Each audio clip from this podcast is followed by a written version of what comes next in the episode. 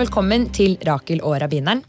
En podkast hvor jeg, Rakel og rabbiner Joav snakker om forskjellige temaer i jødedommen. Sammen prøver vi å gi dere lyttere et innblikk i hvordan vi jøder diskuterer, bruker og forstår våre hellige tekster. Hvordan møter vi dilemmaer og utfordringer i vår egen religion? Men også hvorfor gjør vi egentlig som vi gjør, og hvorfor er det så viktig for oss?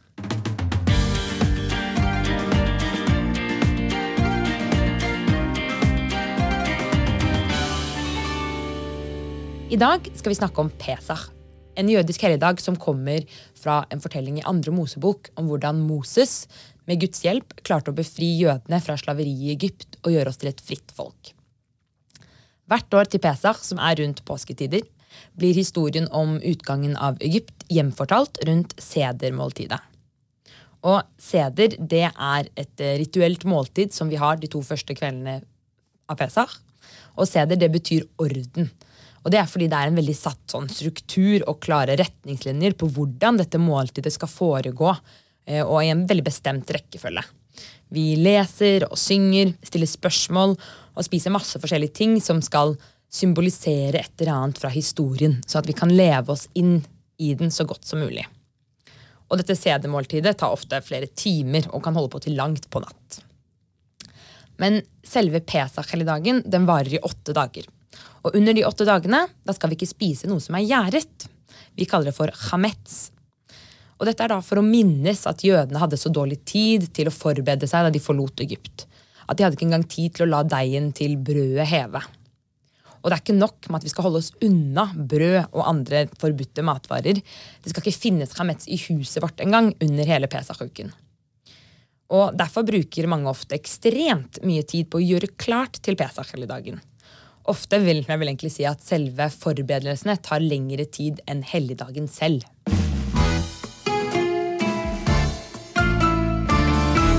Jeg er fortsatt relativt ung og har ikke måttet gjøre klart mitt eget hjem for Pesach enda. Men jeg har jo sett foreldrene mine gjøre det, og jeg har jo hjulpet til og får med meg at alle er en slags forberedelsespanikk eh, i lang tid før Pesach starter. Noen starter jo nesten en måned før selve helligdagen. Og jeg lurer på, Hvorfor skal det egentlig forberedes så veldig? Hvorfor er det så mange detaljer man må tenke på både før og under selve helligdagen Pesach? Ja. Eh, forberedelse til Pesach de kan være veldig slitsomme. Det er mange sånne jødiske vitser om eh, hvordan eh, man ikke skal bli selv en Pesach-ofring. Såpass. Eh, eh, og, og, andre sånne eh, beskrivelser av hvor mye eh, man gjør fremfor Pesach. og jeg tror at vi kan snakke om detaljene i Pesach etter hvert, men også forberedelsen er veldig viktig. Allerede i Egypt, israelittene som var slaver, de fikk beskjed flere uker før de ble befridd om å forberede en Pesach hjemme. Oi. I sine hjem. De, de, skulle ta en lam og ta den hjem, og så forberede seg til dagen før de skulle befritt, bli befridd, og der skulle de ofre eller slakte lammet, samle seg i sine familier, spise lammet sammen med matzah, usuret brød, og maror, de bitre urter, og spise det den natten de ble reddet. Eh, og så er det også det med at de skulle ta blod og sette på dørstolpene, som også har blitt um, Som er en del av, av, den samme fortellingen. Og det var viktig for, for, at man skal bli befridd. At man ikke bare venter på at frigjørelsen den kommer utenfra. At det er noen, noe eksternt. En Messias, en, eh, en redder, en Gud som kommer og tar deg fra elendigheten, uten at du selv har gjort en innsats for det. Eh, det var viktig da, Eh, og det er derfor også viktig i dag at når vi ønsker å feire Pesach, så er det en prosess. Det er en forberedelse. Kommer du til dekket bord uten å ha løftet en finger for det, da er ikke det dekket bord samme til deg som om du har gjort en prosess for å fjerne al-hamet fra ditt hjem, forberede huset på at det skal være festlig og fint, maten er klar, tankene ovenfor hva skal vi snakke om i år, eh, tenke på historien før den fortelles i Pesach, til og med. Alt det er en forberedelse til noe som gjør selve Pesach-feiringen mye mer meningsfullt. en av de mest eh, tydelige metaforer vi bruker for eh, chametz ovenfor eh, matza, er at eh, matza er ikke bare det brødet de fikk med seg når de skulle skynde seg ut av Egypt, men det er også en ydmyk brød. En som ikke hever seg. For det er jo ikke noe godt. Syns jeg, i hvert fall. Det er mange jo, som liker det. Det er mange som liker matza veldig godt. Jeg liker det i Pesach, men ikke hele året. det er jo et tørt flatt brød, på en måte. Ja. Og kun mel og vann uten noe smak. Man har ikke lov å legge noe annet enn mel og vann sammen, og så ha veldig spesiell måte å lage det på. Så matza er et flatbrød. Litt som man kanskje legger seg flat, eller prøver ikke å heve seg. Og, og, og når man hever seg, eller fyller seg med luft, som egentlig ikke er noe, det er noe vi alle gjør noen ganger når vi er eh, eh, litt eh, Føler oss større enn det vi egentlig er. Fin måte å putte det på. Eh, og, og det er noe som er veldig negativt generelt, men også spesielt i, i, i- sammenheng med, med Pesach. Og der da prøver vi å ta alt chametsen ut av vår hjem. Først og fremst fordi Toraen forteller oss at vi skal ikke ha noe chametz, eh, noe som er syret brød eller av denne arten, i våre hjem. Og da er det ikke bare kjøkkenet vi renser, vi renser hele huset. Eh, bilene, eh, garasjen osv. osv. Eh, men det er også en prosess hvor vi ønsker å, å eh, rense det, det som er syret, det som er hevet fra våre hjerter, fra våre, fra vår hjem, på, på en eh, spirituell måte. Og på den måten være mye mer klar for Pesach, for en ordentlig fri frihet. Eh, ikke bare frihet fra slaveri, men også frihet fra andre ting. Eh, kanskje noen egoistiske ting. Eh, som holder oss fanget i forskjellige sånne rammer. Åpne oss til hverandre på en helt annen måte etter vi har gjort en innsats eh, ovenfor det som vi kaller chametz. Så det er jo virkelig en ordentlig religiøs og spirituell slags vårrengjøring som kommer på våren Ja. når vi skal feire Pesach. Man tar en veldig praktisk behov, eh, vårrengjøring, eller i en også det vi kaller halachisk eh, ramme, å fjerne chametzen. Og vi sier det er også en prosess vi må gjøre med oss selv. Eh, lignet litt på det man gjør rundt Jom Kippur med bot og ser seg selv i speilet, men på en helt annen måte. Det er mer hjemmene våre som er i sentrum, eh, og ikke bare vi. Eh, og, og måten vi er med oss selv, med andre, er ting vi bør ha i tanken i denne forberedelsen.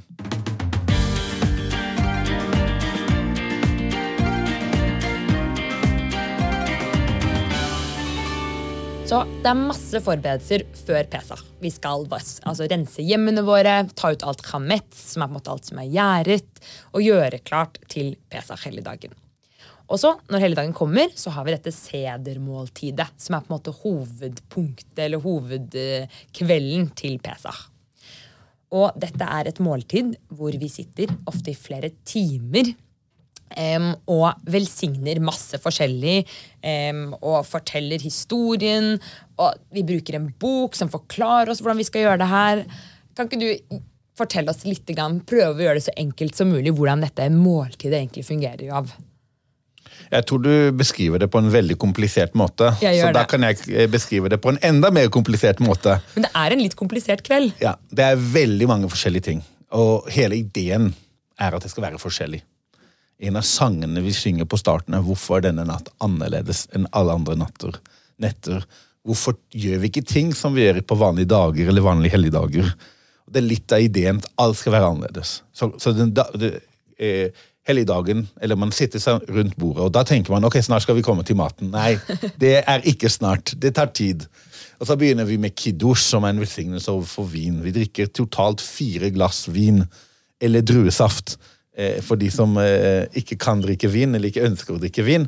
Fire i løpet av hele kvelden. Eh, deretter så vasker vi hendene en gang, sånn rituell vask. Og så dypper vi noen grønnsaker i saltvann, som symboliserer eh, tårer. Og deretter så tar vi en av matsene, vi deler den i to, og så tar vi en av delene og vi gjemmer den bort. Dette er noe som barna i løpet av hele serien skal prøve å få ta tak i, for da å få en eh, gave hvis de finner denne matzaen, en eh, usyret brød som er gjemt bort. Etter det så begynner vi å fortelle og fortellingen den skjer på mange forskjellige måter. Det er spørsmål, det er beskrivelser av eh, barn, det er eh, eh, eh, hvordan man kom ut av Egypt, det er fortellinger rundt det, eller veldig lang fortelling, skal ikke gå i alle detaljene. Men vi forteller historien om slaveri i Egypt og hvordan vi ble befridd. Det er det som er Det er det vi forteller, men på veldig forskjellige måter. Okay. Og så er vi ikke i maten ennå. Da kan vi vaske hendene igjen. Eh, og etter vi vasker hendene igjen, da spiser vi matza. Det er, er usyret brød. brødet. Ja. Ja. Som er hvis du sier at det ikke smaker godt, etter du har ventet så lenge på mat, og du endelig kan spise noe, og det er matza, så smaker det godt. For du er blitt så sulten at uansett hva du tenker om matza, så smaker det godt. Det er veldig godt poeng. Og deretter så spiser man det som heter bitre urter. Som er ofte salatblad med pepperrot eller noe sånt. Eh, som man dypper i noe som heter charosset, som er veldig søt. Eh, og da er vi ikke i maten ennå. Eh, eh, for deretter skal vi spise både matza og de bitre ruter sammen. Og etter det så kan man spise maten. Det var noe mange har en tradisjon å spise egg først, også i tillegg. Og så kommer man endelig til det som heter måltidet. Eh, og når måltidet er ferdig, så sier man den vanlige velsignelsen etter måltidet. Og da tror man man er ferdig, men det er man ikke. Da har man en hel lovprisningssangdel og flere sånne litt morsomme sanger til slutten. Så det blir en veldig, veldig lang kveld, og det er det den skal bli. Annerledes, med veldig mye tekst, med veldig mange symboler. Eh, og hele ideen er at den skal være annerledes. Det er en minne. Jeg husker selv som ung at jeg noen ganger syntes at det var litt for mye. Her kan vi ikke bare komme til maten. Hvorfor skal vi snakke så mye her? Hvorfor skal vi eh, synge så mye her? Men de tingene som er litt små, småirriterende når du er ung, de blir en del av opplevelsen. De blir en del av Ja, det ble veldig sent, selv om jeg var ung. Ja, eh, eh, eh, man satt rundt bordet og var ventet til endelig kom maten. Det er også en del av opplevelsen som får barn til å si Men hvorfor er det sånn? Hva betyr dette? Og det er hele ideen. Toran gjentar fire ganger i Mosebøkene at man skal feire Pesach. Og det står grunnen til at man skal feire Pesach, er ikke fordi at du må gjøre dette fordi det minner deg, men det er for at barna skal stille spørsmålene og spørre hva er det vi gjør. Og Da kan du svare dem og fortelle fortellingen om utgangen fra Egypt. Så det blir en slags fortelling gjennom veldig mye symbolikk, opplevelse eh, eh, og mange rare ting som, som eh, skaper nysgjerrighet.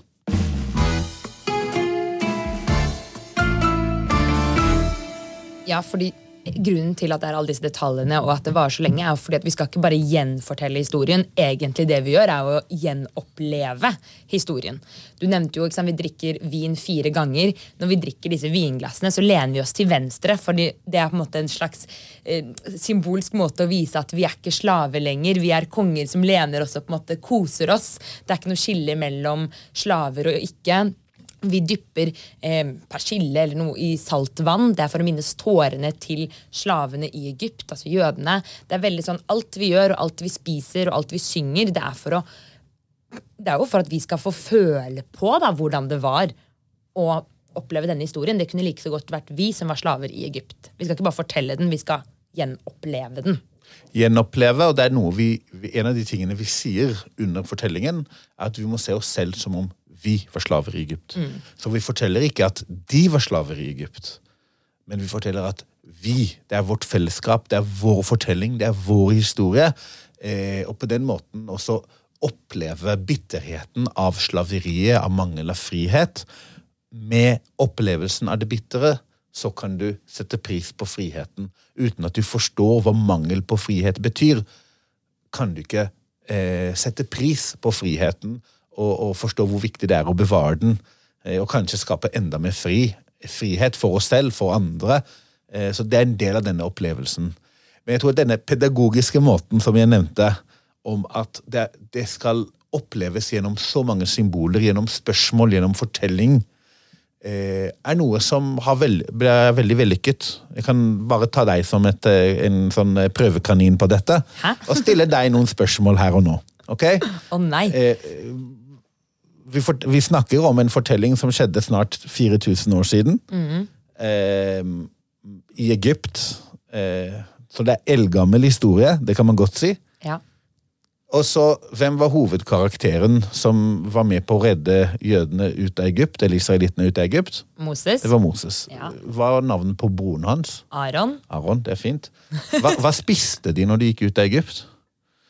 Hva hva spiste de? Hva var maten de spiste når de gikk ut av Egypt? Den natten de gikk ut av Egypt. Hva spiste de? Hva hadde de? Hvilken type mat spiste de? Altså matsebrød? Matsebrød, Riktig. De spiste matsebrød. Hva het uh, kongen som prøvde å stoppe dem? Hva er dette her for noe? Det er farao. Det var farao. ok? Og du kjenner også detaljene i fortellingene. Ja. I plagene, i havet som splittet seg, i mange forskjellige detaljer. Det kan du, og det kan nesten enhver eh, jøde som har feiret Pesach mer enn én en gang i livet sitt. Eller de som har sett Prinsen av Egypt i hvert fall 20 ganger. Det er Prinsen av Egypt det hjelper også. Ja. Men hvis jeg vil stille samme spørsmål, la oss dra det over til Norge. Hvem var hovedpersonene når grunnloven i Norge ble skrevet? For litt over 200 år siden. Hva het brødrene? Hva het kongen i Sverige i den tiden? Eh, jeg skal ikke, jeg skal ikke Tenk be- teste meg på det. teste deg på det, men det er spennende å se at en så gammel historie er så husket til detaljen fordi at vi forteller den som vår historie. Fordi vi feirer den på Pesach-måten med alle disse symbolene. Eh, og det, det, er eh, kanskje beviset på at det funker. Det funker, fortellingen er vår fortelling, og det er det vi gjør.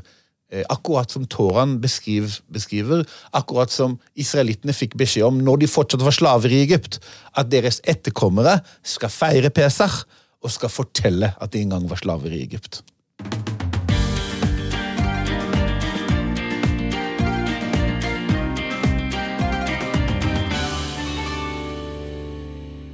Av de aller meste, eller kjente uttrykkene vi har i jødedommen, som kommer fra denne helligdagen, er jo 'og du skal fortelle dine barn'.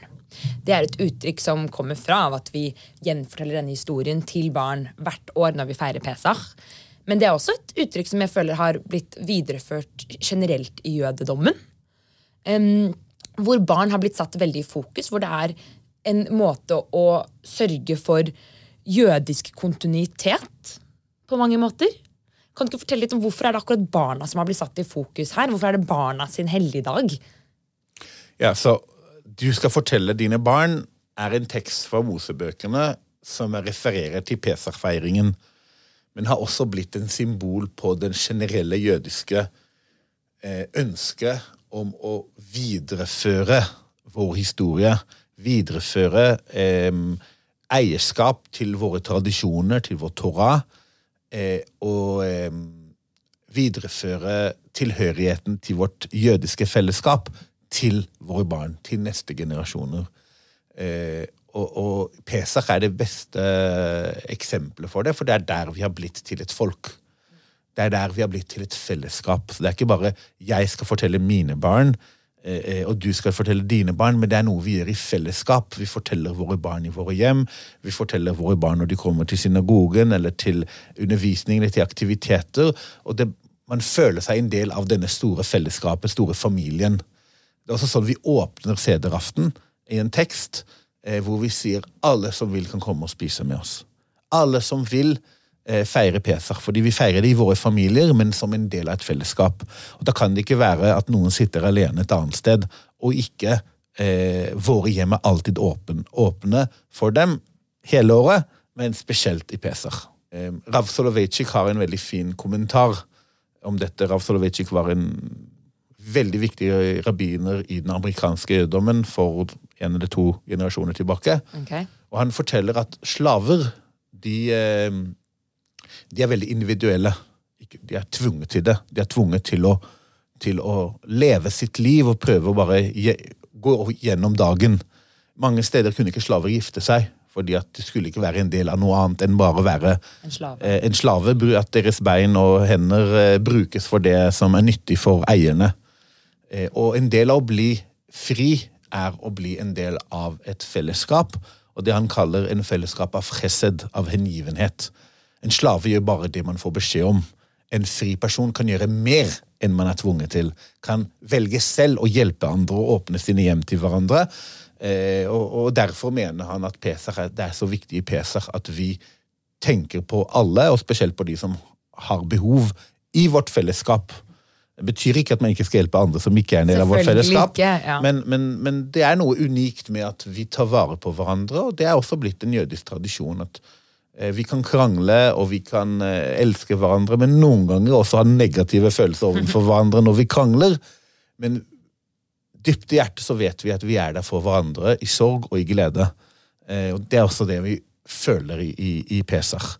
Og Det er den fellesskapen vi ønsker å gi våre barn. At de, de ser den, de er glad i den, og de vil også være en del av den, av denne fortellingen. Eh, eh, og det, det er en viktig oppgave som Pesach er, står i sentrum for. Ja, her kommer det jo veldig klart og tydelig frem at jødedommen er ikke bare en religion, men vi er også et folk. Um, og jeg har jo, jeg vet det jo, men jeg har ikke tenkt over det at det, var, det startet vel egentlig ved utgangen av Egypt. At det var der vi ble et ordentlig folk. Um, Så det, det er ikke bare friheten, friheten, det er også Det fellesskapet. fellesskapets grunnlag kommer i utgangen fra Egypt. Fra slavefamilier til et folk. For at dere hørte på Rakel og rabbineren. I neste episode skal vi snakke om sionisme. Et konsept som skaper mye engasjement blant jøder, men også mye spenning i og utenfor vårt fellesskap. Hvis dere vil lære mer om jødedommen, kan dere sjekke ut jødedommen.no. Takk for i dag.